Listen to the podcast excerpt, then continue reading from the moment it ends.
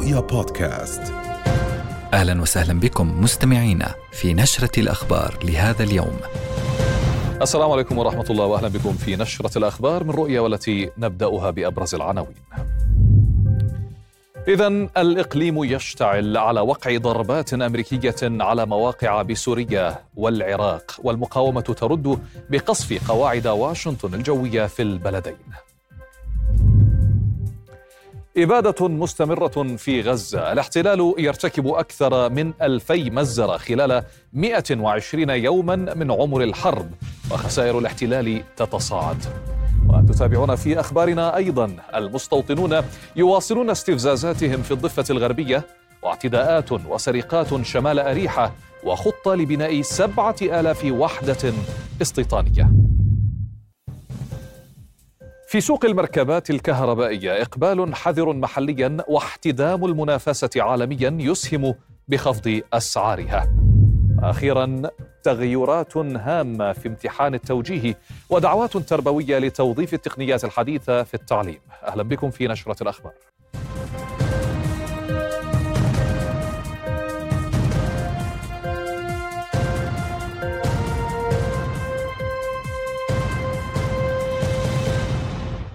حياكم الله. هي في غزة أم على جبهة لبنان؟ أم باتت على أراضي العراق وسوريا واليمن؟ هو السؤال المطروح اليوم حول مركز الحرب وسط تعدد جبهات القتال وتصاعد وتيرة الضربات الصهيونية برعاية أمريكية بريطانية على وشك أن تضع الإقليم على حافة الهاوية. وفي سلسلة عمليات بدأت الليلة الماضية استهدفت الضربات الأمريكية ثلاث منشآت لمجموعات مسلحة موالية لإيران في العراق وأربع في سوريا وسط توقعات واشنطن باستمرارها خلال الأيام المقبلة. على إثر ذلك استدعت الخارجية العراقية القائمة بأعمال السفارة الأمريكية في بغداد وسلمته مذكرة احتجاج رسمية على العدوان الأمريكي. هيئة الحشد الشعبي في العراق أعلنت استشهاد 16 شخصا وعن إصابة 36 آخرين فيما لا يزال البحث جاريا عن مفقودين. من جانبها أدانت سوريا الانتهاك الأمريكي السافر لأراضيها رافضة كل الذرائع والأكاذيب التي روجت لها الإدارة الأمريكية لتبرير هذا الاعتداء مؤكدة أنه, أنه دليل دامغ على سلسلة الانتهاكات التي دأبت واشنطن على ارتكابها في سوريا بما في ذلك التحالف الدولي المزعوم الذي أنشأته عام 2014 وبدعمها المفضوح للإرهاب. وأعلنت إيران مقتل مستشارها العسكري سعيد علي دادي في هجوم الاحتلال على جنوب دمشق. وقال المتحدث باسم الخارجية الإيرانية ناصر كنعاني إن الهجمات الأمريكية مغامرة وخطأ استراتيجي ولن تؤدي إلا إلى المزيد من التصعيد وعدم الاستقرار في المنطقة. وفي اليمن قالت جماعة أنصار الله الحوثيين إن القوات الأمريكية والبريطانية شنت صباح اليوم ثلاث غارات جوية على محافظة صعدة شمال البلاد. بدورها نقلت وكالة فويس أوف أمريكا عن مسؤول لم تسمه قوله إن الجيش الأمريكي شن ضربات إضافية للدفاع عن النفس داخل اليمن وذلك ضد أهداف عسكرية للحوثيين تعتبرها واشنطن تهديدا وشيكا. وفي ثاني هجوم ردا على الضربة الأمريكية استهدفت المقاومة الإسلامية في العراق قاعدة جوية شمال البلاد تستضيف قوات أمريكية. هذا وتعرضت قاعدة عين الأسد الجوية في محافظة الأنبار لاستهداف من قبل فصائل عراقية مسلحة وذلك في أول رد فعل ميداني على الهجوم الأمريكي الذي استهدف عددا من الأهداف داخل العراق وفي سوريا. كما أعلنت المقاومة استهدافها بطائرة مسيرة قاعدة خراب الجير الأمريكية في العمق السوري. من جانبها أدانت حركة حماس العدوان الأمريكي على العراق وسوريا واعتبرته تصعيدا خطيرا وتعديا على سيادة البلدين. ومن جانبه نفى مصدر عسكري مسؤول في القوات المسلحة الأردنية مشاركة سلاح الجو الملكي الأردني في غارات القوات الجوية الأمريكية داخل الأراضي العراقية. وأفاد المصدر أنه لا صحة للتقارير الصحفية التي تم تداولها صباح هذا اليوم حول مشاركة طائرات أردنية في العمليات الأمريكية داخل العراق مشددا على احترام القوات المسلحة سيادة العراق والعلاقات الأخوية التي تجمع الأردن مع الدول العربية كافة. مع دخول الحرب على غزة يومها العشرين بعد المئة يواصل جيش الاحتلال غاراته العنيفة على مناطق متفرقة من القطاع مخلفا عشرات الآلاف من الشهداء والجرحى في ظل مؤشرات حول التوصل لهدنة جديدة وإطلاق الأسرى والمحتجزين. وأفادت وزارة صحة غزة بارتكاب الاحتلال 12 مزرة ضد العائلات في القطاع. راح ضحيتها 107 شهداء و165 جريحا خلال آخر 24 ساعة ما يرفع حصيلة العدوان إلى 27238 شهيدا علاوة على 66452 مصابا. ولليوم الثالث عشر تحاصر آليات الاحتلال مستشفى الأمل بخان يونس وتمنع خروج أو دخول أي أحد إلى مباني المستشفى والجمعية بما فيها حركة طواقم الإسعاف في وقت حذر فيه الهلال الأحمر من دخول مرضى الكلى في حالة الخطر.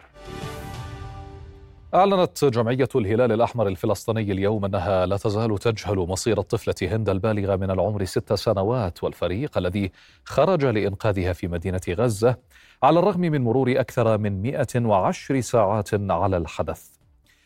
وقالت الجمعية في بيان نشرته على فيسبوك إن أكثر من 110 ساعات مرت ولا يزال مصير موظفيها يوسف زينو وأحمد المدهون اللذين خرجا لإنقاذ الطفلة هند مجهولا.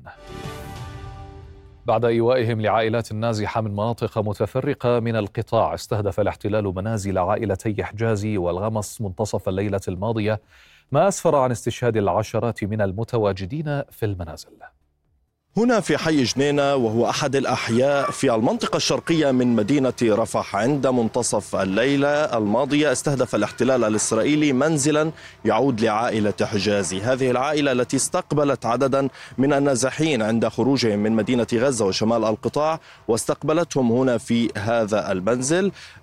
بطبيعة الحال العائلات كانت هي عائلة بعلوشة عويضة وغيرها من العائلات. هنا تواجد عدد كبير من الأطفال وكذلك من النساء استهدف الاحتلال بصواريخ مدمرة بطبيعة الحال آه هذا الموقع وهذا المنزل.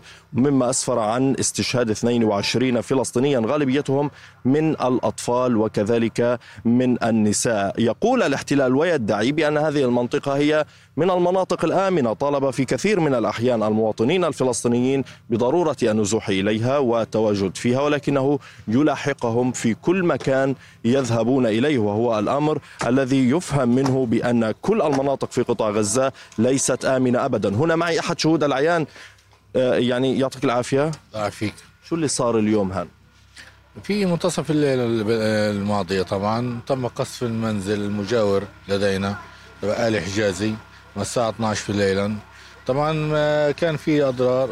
المنزل عبارة عن طابقين نزل بالأرض. في في المنزل أطفال طبعا وفي نازحين. تم استشهاد 12 شهيد وفي طفلين لحتى إلى الآن يعني من أحفاد من حتى تحت البيت.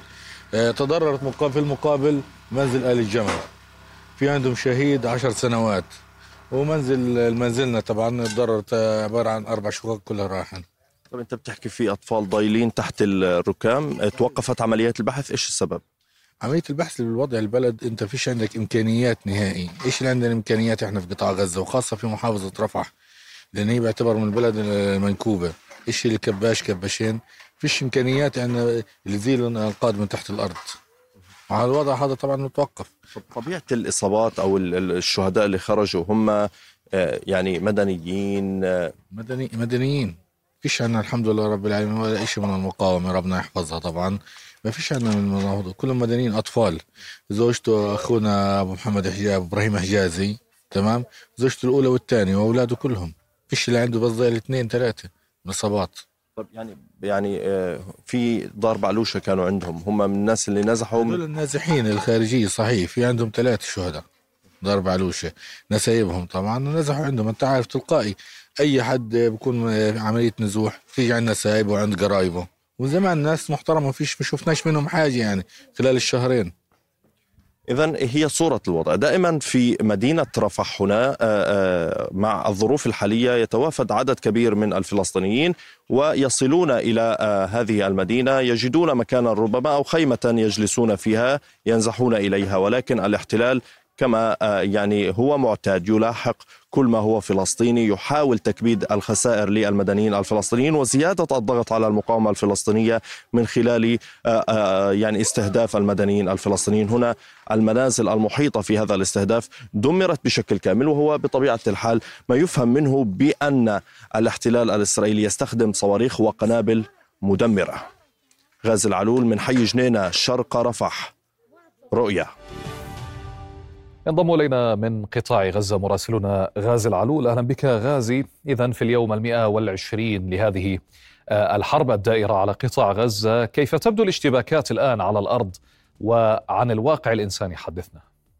نعم مساء الخير محمد. الاشتباكات آه، تدور في آه، المحاور الرئيسية للقتال بالتحديد إلى الغرب من مدينة غزة حيث عادت قوات الاحتلال الدخول غازي هل تسمعني؟ مع منطقة السرايا. هذه المنطقة عنيفة بين المقاومة الفلسطينية وجيش الاحتلال الإسرائيلي بالإضافة إلى القتال الأعنف هي مدينة خان يونس. هناك بالفعل يتواجد آه، آه، تموضع آه، جديد لجيش الاحتلال في المنطقة الغربية بالتحديد محيط جامعة الأقصى. كذلك موقع القادسية ومناطق أخرى في هذه المناطق كان يتواجد جيش الاحتلال ولكنه انسحب ثم عاد مرة أخرى في إطار الضغط على الفلسطينيين الذين حاولوا العودة إلى مدينة خان يونس وأجبرهم مرة تحت الخروج من هذه المنطقة. بالأمس قالت كتائب القسام أنها استطاعت قتل 15 جنديا إسرائيليا في منطقة تل الهواء. كذلك استهدفت آليات عسكرية في مدينة خان يونس وهي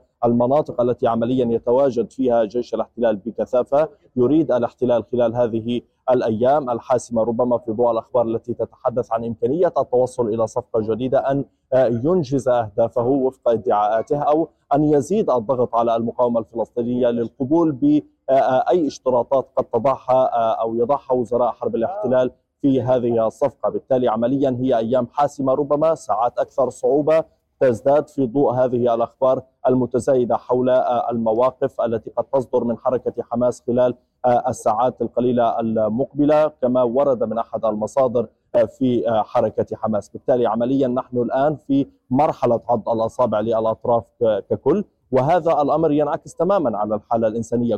كلما زادت الكثافة النارية كلما زادت الاستهدافات وطبيعة قسوتها تزداد الظروف الإنسانية صعوبة هنا للفلسطينيين الذين يعني يعانون الأمرين حقيقة في ظل الأجواء الباردة اولا ومن ثم المتعلقة بالتواجد والازدحام والاكتظاظ في مخيمات النزوح التي هي الأخرى عمليا تشهد استهدافات متكررة من قبل آه، جيش الاحتلال الإسرائيلي ومدينة رفح هنا مثال حيث الليلة الماضية ارتكبت مجزرة بحق عائلة حجازي. كذلك استهدافات عديدة كانت خلال هذا اليوم في منطقة ميراج مناطق أخرى في آه، آه، منطقة الجنينة وبطبيعة الحال هذا يفسر بأن مدينة رفح التي يتواجد فيها عمليا نحو مليون و900 ألف فلسطيني ليست آمنة أبدا. نعم. طيب آه، لو تحدثنا أيضا عن آه، آه، واقع المستشفيات غازي كيف هي الأوضاع الآن؟ المستشفيات المحاصرة من قبل جيش الاحتلال الإسرائيلي أيضا؟ يعني ربما الحدث الأبرز خلال الأسابيع الماضية كان هو محاصرة مستشفى الأمل أو ما يعرف بمبنى الهلال الأحمر الفلسطيني في مدينة خان يونس. هذا المبنى حوصر لمدة أسبوع اقتحمته قوات الاحتلال تموضعت في محيطه واستهدفت عدد كبير من الفلسطينيين النازحين فيه. هذا آه، المستشفى الصغير يتواجد فيه أيضا عدد كبير من المرضى الذين يتلقون العلاج البسيط فيه أيضا. نحو 150 من الكادر الطبي يتواجدون في هذا المستشفى. حوصروا نعم. أستهدفوا وأجبروا في كثير من الأحيان على عدم مغادرة أروقة ومرافق هذه المستشفى بالتالي الاستهداف يطال هذه المراكز الصحية والمستوصفات الصحية في مدينة خان يونس على غرار ما حدث في مدينة غزة وشمال القطاع كمستشفى الشفاء نعم. نعم. والرنتيسي والأندونيسي وغيرها من المراكز الصحية أشكرك غازي العلول مراسلنا من قطاع غزة كنت معنا شكرا جزيلا لك مرة أخرى إذا مع احتدام المعارك وقوات الاحتلال على امتداد القطاع أعلنت كتائب القسام استهداف مقاتليها دبابة إسرائيلية من نوع ميركافا بقذيفة الياسين 105 غرب مدينة خان يونس جنوب قطاع غزة. من جهتها أعلنت سرايا القدس قصفها بقذائف هاون تجمعا لجنود الاحتلال في محيط موقع أبو صفية العسكري شرق المنطقة الوسطى بالقطاع. كما استهدفت السرايا جرافة إسرائيلية في حي الأمل بخان يونس واشتبكت مع مجموعة من جنود الاحتلال وأوقعتهم بين قتيل وجريح بالإضافة إلى إسقاط مقاتليها مسيرة إسرائيلية والسيطرة عليها خلال قيامها بمهام استخباراتية غربية خان يونس في غمرة تلك المعارك أعلن جيش الاحتلال تنفيذ وحدة النقل العملياتية التابعة له أكثر من 1500 عملية إجلاء لجنود جرحى من القطاع منذ بداية المعارك البرية في السابع والعشرين من أكتوبر تشرين أول الماضي. وفي سياق ذي صلة أعلنت صحيفة يديعوت أحرونوت العبرية تعامل الجيش الإسرائيلي منذ بدء الحرب على غزة مع آلاف الطلبات لجنود يحتاجون إلى مساعدة نفسية. وأشارت الصحيفة إلى أن الأعراض التي يعاني منها الجنود هي الأرق والقلق والذعر مما يؤثر على أدائهم في ساحة المعركة. وكانت هيئة البث الإسرائيلية كشفت عن تلقي ألفي جندي إسرائيلي مساعدة الطب النفسي منذ السابع من أكتوبر تشرين أول الماضي بينهم 200 جندي خلال الأسابيع الثلاثة الأولى من العملية البرية في القطاع. وعلى جبهة لبنان تستمر الاشتباكات ويشتد القصف الإسرائيلي الجوي والمدفعي على قرى الجنوب في وقت لا يزال حزب الله يشن عملياته العسكرية ضد المواقع الحدودية. صباح اليوم نعت حركة أمل التي يرأسها رئيس مجلس النواب اللبناني نبيه بري. عنصرين سقطا جراء القصف الإسرائيلي على الجنوب. ونفذ طيران الاحتلال الحربي غارة على أطراف بلدة عيت الشعب وأطراف بلدتي شحين وأم التوت. أما القصف المدفعي فقد استهدف عددا من قرى القطاع الغربي الظهيرة يارين البستان وعلم الشعب. وتوجهت فرق الإسعاف في الصليب الأحمر إلى بلدة الظهيرة بعد القصف بالقذائف الفسفورية للبلدة. من جهته أعلن حزب الله استهدافه قاعدة خربة ماعر بالأسلحة المناسبة. لا تزال الانتهاكات تطبق على صدور الفلسطينيين في الضفة الغربية بوتيرة متفاوتة بين حين وآخر. واليوم اعتقلت قوات الاحتلال الإسرائيلي ثلاثة فلسطينيين من مخيم لدهيشة جنوب بيت لحم. وفي طوباس اعتقلت قوات الاحتلال مواطنا كما داهمت عددا من المنازل بعضها يعود لأسرى محررين حيث قامت بتفتيشها والعبث بمحتوياتها. وفي سياق محاولاته لتهجير سكان الأغوار هاجم مستوطنون مسلحون اليوم قرية العوجة في محافظة أريحة في الضفة الغربية المحتلة. مراسلنا أفاد بأن فلسطينيا أصيب نتيجة للهجوم الذي شنه المستوطنون بينما اعتقلت قوات الاحتلال أحد الفلسطينيين هناك حتى اللحظة. وقال إن مستوطنين اقتحموا تجمع عين العوجة واعتدوا على مزارعين كما استولوا على أو استولوا على عشرة رؤوس أغنام أفاد مراسل رؤيا بوقوع اشتباك مسلح على حاجز سالم غرب جنين فعل على إثره الاحتلال صفارات الإنذار بالمكان. للوقوف على آخر التفاصيل ينضم إلينا من نابلس مراسلنا حافظ أبو صبرة. مرحبا بك حافظ. ضعنا في تفاصيل ما حدث اليوم في غرب جنين.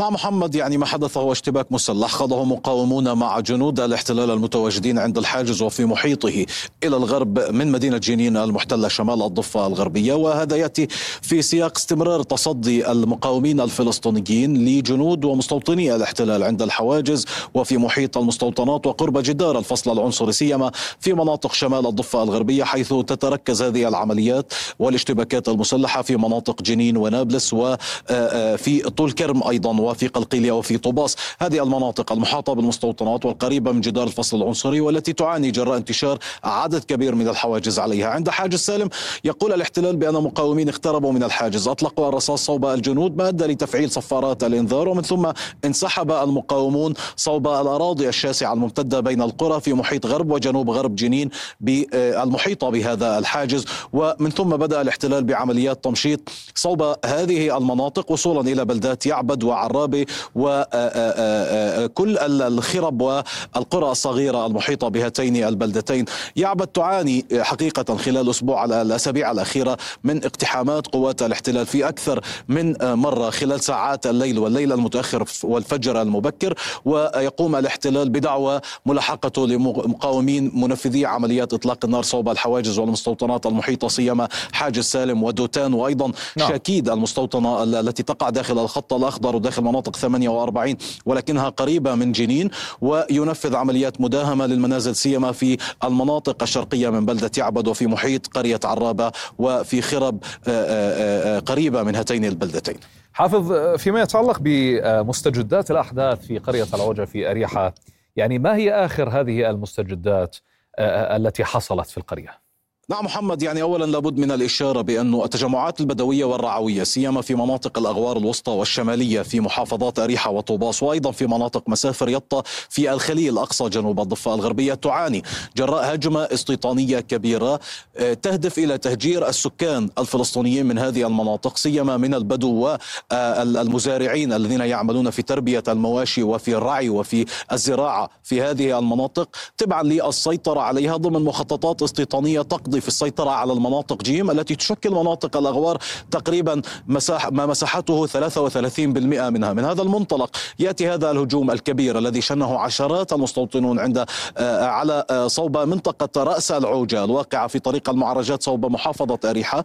وهذا الهجوم الكبير للمستوطنين المسلحين جاء بمساندة من جيش الاحتلال الذين يعني وصلوا إلى الموقع قاموا بالاعتداء على المواطنين الفلسطينيين إلى جانب المستوطنين وأطلقوا الرصاص. وحقيقة الرصاص كان مشترك رصاص يخرج من بنادق المستوطنين وآخر من بنادق الجنود. هذا أدى إلى إصابة أحد الشبان الفلسطينيين في الموقع. وأيضا كما أرسلنا لكم في المقاطع المصورة التي خرجت من السكان هناك عملية اعتقال لأحد نعم. المسنين الذين لم يتيح له أو لم يتيحوا له جنود الاحتلال حتى أن يرتدي حذاءه في قدميه لأنه تم اعتقاله من داخل الخيمة التي يقيم فيها حقيقة. هؤلاء الفلسطينيين هم من أبرز الصامدين في وجه تمدد المخططات الاستيطانية أكثر في أكثر نحو ممارسة تهجير نعم. وتطهير عرقي وعمليات آه، آه، إخلاء لهؤلاء السكان من مواقعهم للسيطرة عليها بناء مستوطنات جديدة. وهذا يأتي من خلال ما يسمى بالاستيطان الرعوي الذي يشكل نسبة كبيرة من مجموع مما مجموعه مخططات استيطانية منفذة في مناطق الضفة الغربية. حافظ أبو صبرة مراسلنا من نابلس كنت معنا. شكرا جزيلا لك. إذا تعيش الضفة الغربية حالة من التوتر والاستنكار بعد ما أعلنت حكومة الاحتلال الإسرائيلي عن نيتها المصادقة على بناء سبعة آلاف وحدة استيطانية في مناطق متفرقة. هذا القرار يثير مخاوف دولية ويزيد من التوترات السياسية في ظل التصعيد القائم بين الفلسطينيين والاحتلال الإسرائيلي. تسارع حكومة اليمين المتطرف الزمن في سبيل تمرير أكبر عدد من المخططات الاستيطانية في القدس والضفة الغربية المحتلتين بالتزامن مع حربها على قطاع غزة وانشغال العالم بمحاولة التوصل لوقف إطلاق نار ادعى وزير المالية في حكومة الاحتلال يتسائل سموتريتش إلى ضرورة الإسراع بالمصادقة على بناء سبعة آلاف وحدة استيطانية جديدة في الضفة الغربية على أن يحدد نطاق وموقع البناء فيما بعد. توجه يبدو كأنه آه، من سموتريتش لكن هذا توجه الحكومة الإسرائيلية هذا برنامجها. برنامجها الرئيسي هو تكثيف الاستيطان ونهب أكبر مساحة ممكنة من الأراضي لحسم الصراع مع الفلسطينيين. ولذلك الجناح الأكثر يميني يرى أن هذه فرصة مواتية لتنفيذ بعض القضايا المؤجلة ومنها الاستيطان ومنها حتى آه، تهجير بعض المخيمات في شمال الضفة كما يجري في مخيم جنين. آه، ومخيم نور الشمس وطول كرم ولذلك هذا يجري وكأنه العالم كله منشغل في غزة وبالتالي هم آه، ينفذون خطوات على طريق حسم الصراع من جهة ومن جهة أخرى يعني لتقويض أي فرصة لبناء دولة فلسطينية في المستقبل.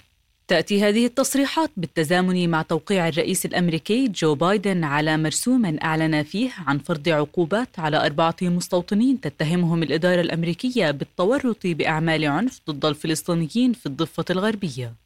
وبحسب البيت الأبيض. يعمل بايدن على إنشاء نظام لفرض عقوبات مالية وقيود على التأشيرات بحق الأفراد الذين يتبين أنهم اعتدوا على الفلسطينيين وممتلكاتهم. لكن وبحسب المحللين السياسيين لا تعد هذه المسألة سوى خطوة شكلية. المجرمون الرئيسيون هم نتنياهو وسموتريتش وبن كفير بدل أن يركز على مجموعة من المستوطنين الهامشيين هم يعني بلطجية شوارع زعران شوارع. لكن الغريب أنه في نفس الوقت أخذ الكونغرس الأمريكي قرار بمنع أي فلسطيني عضو في منظمة التحرير من دخول الولايات المتحدة. فهم يعني يحاولون أن يظهروا نوع من التوازن خصوصا في ضوء الانتقادات التي توجهت للإدارة بأنها منحازة بشكل أعمى لإسرائيل. لكن بلا شك هذا آه، غير صحيح. هذا ذر للرماد بالعيون لأن العنف تنتجه حكومة الاحتلال وليس المستوطنين فقط. يبدو أن الجماعات الاستيطانية وأكثر الوزراء عنصرية وتطرفا في كيان الاحتلال لا يأبهون في القرارات الأمريكية. إذ يواصل وزير أمن الاحتلال القومي أتمر بنغفير تسهيل وتشجيع المستوطنين على حيازة السلاح في الضفة الغربية. ويواصل وزير المالية إتسيل سموتريتش دعم المستوطنين للاستيلاء على أراضي الفلسطينيين بالقوة وإنشاء مستوطنات جديدة. كان آخرها بإقامة بؤرة استيطانية جديدة على أراضي قرية برقة شرق رام الله. من فلسطين المحتلة آية الخطيب رؤيا.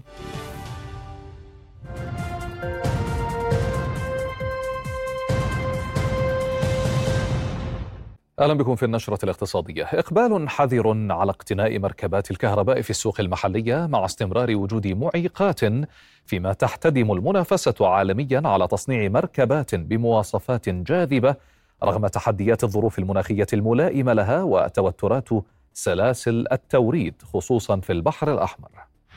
حرب الأسعار بين كبرى الشركات المصنعة للمركبات الكهربائية نتيجة زيادة الإنتاج أدت إلى انخفاض أسعارها من مصدرها بنسبة تراوحت بين 30 إلى 40% عن مستواها قبل عامين. ومع الإقبال المتزايد عليها محلياً بدأت الأسواق تشهد دخول منافس جديد من خلال استيراد المركبات المستعملة مما أسهم بانخفاض متزايد على أسعارها. نتيجة زيادة المعروض أدت إلى انخفاض هذه الأسعار آه، عند خروجها من المصنع. فأعطانا اليوم بحدود 30 إلى 40% انخفاض عن سعر السيارة قبل سنتين وهذا هو السبب الرئيسي وراء آه، انخفاض هذه الأسعار. احتدام المنافسة مكنت المواطنين من اقتناء المركبات الكهربائية لانخفاض كلف الصيانة واستغنائهم عن الوقود مقارنة بالأنواع الأخرى لتبقى مشكلة الشحن وانخفاض قيمتها السوقية تحديا يواجه مقتنيها سيارة كهرباء لا هايبرد ولا بنزين علشان توفير البنزين أول شيء وأنا بدي أبعد على البنزين وتكاليف صيانة البنزين. يعني السيارة للأمانة من يوم ما جبتها إلى اليوم ما كلفتني غير شحنها بالنسبة لموضوع نزل أسعارهن نزول أسعارهن يعني في سيارات كان موديل 23 السنة اللي فاتت كانوا يسووا 12000 هسه قاعدين بيسووا 8000 ونص 8000 فإحنا مش عارفين السوق لوين رايح بصراحة. أنا اخترت السيارة الكهرباء بس للأسف طلع اختياري خاطئ. لأنه أنا هلأ يعني بشحن قاعد يعني سيارتي كل سيارات الكهرباء بتشحن بثلث ساعة إلا سيارات إحنا ل 2018 يعني لأنه وزارة الطاقة لغت الأدابتر اللي هو الشاحن السريع. تحد آخر يواجه سوق المركبات الكهربائية عالميا. يتعلق بقدرة تحمل البطارية لمناخ بعض الدول ما يحد من انتشارها. فيما الأردن الأكثر استيرادا يعاني من ضعف في مراكز الصيانة وقلة نقاط الشحن التي وصل مجملها إلى 63 محطة. لابد من وضع حدود سعرية ولابد من مراقبة السوق بشكل أساسي. وهذا الحكي عن طريق الدوائر والجانب الحكومي المسؤول عن الرقابة والعلاج في حالة حالة الإخلال في ذلك الأمر. تحديا للسيارات الكهربائية. التحدي الأول تحدي مناخي لأنه لا زال عندنا أسواق آه، آه، صعب الدخول فيها التكنولوجيا الكهربائية. هي الأسواق المناخات الباردة جدا والحامية جدا. ومع هذه التحديات يشهد الأردن طلبا متزايدا على المركبات الكهربائية إذ استورد أكثر من 38 ألف مركبة العام الماضي بحسب أرقام هيئة المناطق الحرة. أسعار هذه المركبات قد تشهد ارتفاعا خلال الأشهر المقبلة في ظل اضطرابات سلاسل التوريد وحرب الإنتاج بين الشركات المصنعة. أسامة بليبلي رؤية أنفق الأردنيون مليارا وثلاثمائة وثمانية وأربعين مليون دينار على السفر الخارجي العام الماضي. فيما ارتفع إنفاق المغتربين على السياحة في الأردن بنسبة وصلت إلى 18.2 بالعشرة بالمئة عن عام 2022 بحسب ما كشفت أرقام وزارة السياحة والآثار. إنفاق الأردنيين على السفر إلى خارج المملكة يذهب لغايات السياحة أو العلاج أو التعليم. إذا سجل إنفاقهم العام الماضي أعلى مستوى خلال الخمس سنوات الماضية فيما سجل أدنى مستوى له في عام 2020 عام الجائحة بسبب قيود السفر. ومنذ بداية العام يشهد إنفاق الأردنيين على السفر ارتفاعا فيما سجلت الأشهر الثلاثة الأخيرة تراجعا وبلغ نحو 293 مليون دينار بسبب التوترات الجيوسياسية والأوضاع الاقتصادية على إثر العدوان الغاشم على قطاع غزة والمستمر لليوم العشرين بعد المئة. بالمقابل الأردنيون المغتربون أنفقوا على السياحة في الأردن خلال العام الماضي قرابة مليار وستمائة مليون دينار هو الأعلى خلال الخمس سنوات الماضية بما فيها السنة الذهبية للسياحة ما قبل الجائحة حيث أنفق الأردنيون مليارا وثلاثمائة مليون دينار. الأردنيون المغتربون الأعلى إنفاقا على السياحة في الأردن من بين جميع الجنسيات التي زارت المملكة خلال العام الماضي إذ شكلوا 30.3 بالعشرة بالمئة ثم جاء السياح من الدول الأجنبية بقرابة 27% فيما تبعها السياح من دول عربية غير الخليجية وبنسبة وصلت إلى 24% أما الدول الخليجية فشكلت ما نسبته 19.4 بالعشرة بالمئة من إجمالي الإنفاق البالغ أكثر من خمسة مليارات دينار. ارتفعت أسعار الذهب 20 قرشا للجرام في السوق المحلية بعد أن أغلق تداولاته في الأسواق العالمية عند 2040 دولارا للأونصة بعد تثبيت الفيدرالي أسعار الفائدة وبدعم من بيانات الوظائف القوية في السوق الأمريكية. وتاليا أسعار الذهب والليرة الرشادي والإنجليزي خلال أول يومين في الأسبوع. جدد القطاع الصناعي تحذيره من استمرار إغلاق أمانة عمان لمكب المخالفات السائلة لمصانع الحجر والرخام شرق العاصمة عمان لانعكاسه سلبا على نشاط القطاع. ورئيس جمعية مصدري ومنتجي الحجر الطبيعي والبلاط الأردنية أحمد أبو سبيت قال إن عمليات التصنيع اليومية تنتج أو تنتج ما يقرب من 1500 متر مربع من المخلفات وأن أي تأخير بإيجاد البديل سيؤثر بيئيا على مناطق شرق عمان. وكذا أن إغلاق المكب الوحيد أدى إلى توقف الكثير من المصانع عن العمل وتضررها إضافة إلى رفع كلف الإنتاج ما يؤثر سلبا على عمليات التصدير ويرفع الأسعار.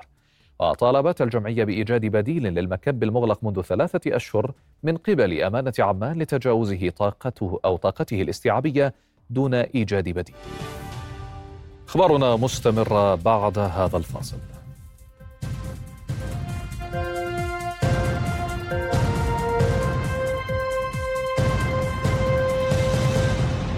من جديد حياكم الله. سلم رئيس الديوان الملكي ورئيس لجنة متابعة وتنفيذ المبادرات الملكية يوسف العيسوي اليوم الدعم الملكي السنوي ل 448 جمعية ومركزا ومؤسسة خيرية تعنى برعاية الأيتام وذوي الإعاقة والمسنين العيسوي قال إن هذه المبادرة تجسد الاهتمام الملكي بتمكين جمعيات ومؤسسات ومراكز من الاستمرار في تقديم خدمات نوعية للفئات المستهدفة.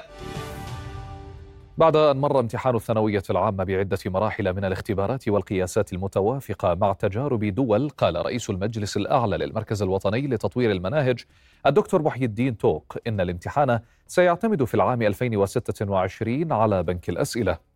تصريحات توق جاءت على هامش انعقاد الملتقى الوطني الخاص بالتعليم العام والتعليم العالي والمهني اليوم في عمان تحت عنوان منظومة التعليم في الأردن واقع وتطلعات ومن جانبه أشار رئيس الوزراء الأسبق الدكتور عدنان بدران خلال رعايته المؤتمر إلى وجوب توجه المنظومة التعليمية نحو دمج التعليم الإلكتروني بالوجهي وعلى إعادة هيكلة التعليم لبناء الفكر الخلاق والذكاء وتدريب المدرسين عبر استخدام الوسائط المدمجة. بدأنا حديثا بتأسيس وحدة تعنى بهذا الموضوع وستعمل هذه الوحدة على إعداد أسئلة وفقرات امتحان الثانوية العامة بداية وانتقالا إلى امتحانات وطنية وطنية أخرى. وقد بدأنا بالتعاون والتنسيق مع وزارة التربية والتعليم بتدريب فريق محوري من المشرفين والمشرفات والمسؤولين التربويين. عددهم حوالي 65 شخص. على كيفية وضع وتطوير الفقرات الامتحانية. والجامعات في برامجها التقليدية والمدارس في برامجها التقليدية لا تستطيع أن تلبي حاجات التغيير في عالم سريع التغير. هناك سرعة في العلوم والتكنولوجيا في حداثة وفي معاصرة. لذلك يجب أن تؤدي المؤسسات التربوية مهمتها بحيث تساير نمو وتطور المجتمع. يعني تدفع المجتمع للتنمية. ندفع المجتمع للتطور. وأنا باعتقادي من خلال التعليم نستطيع أن نعتمد على الذات. نحن بحاجة إلى الإبداع والابتكار والبحوث العلمية وبحاجة أيضا إلى نوعية وجودة مخرجات التعلم. نظم الحزب المدني الديمقراطي لقاء تعريفيا مع أهالي مدينة العقبة شرح فيها مؤسس الحزب فكرة إنشائه ودوافعه وأهدافه ومبادئه وتوجهاته. لقاء نوعا ما كان جيد آه، طلع الناس على أفكار الحزب وعلى مبادئه وتطرقنا آه، إلى موضوع الشباب ومشاركتهم السياسية الفاعلة في الحزب، تطرقنا إلى آه، إلى الورقة النقاشية السادسة لجلالة الملك والتي كانت تحت عنوان الدولة المدنية والدولة الدولة المدنية والمشاركة السياسية الفاعلة للشباب. الفكرة كانت الحديث عن التحديث السياسي. لماذا نحن بحاجة إلى أحزاب؟ بغض النظر عن أي حزب آه، لكن نحتاج إلى وجود أحزاب سياسية. لا نحن لا نعيد اختراع العجلة. اليوم كل العالم ماشي في الأحزاب. الأحزاب تفعل العقل الجمعي للإنسان لتعمل. نتكلم عن أنه لا وصاية لأحد على المجتمع. نتكلم بأن القانون وسيادته هم ركن من أركان التطور والتقدم. نتكلم عن المواطنة المتساوية نتكلم عن الاقتصاد الاجتماعي نتكلم عن تعزيز دور القطاع الخاص ليصبح المشغل الرئيسي للعمالة في, في, في الأردن. وصلنا لختام هذه النشرة في أمان الله.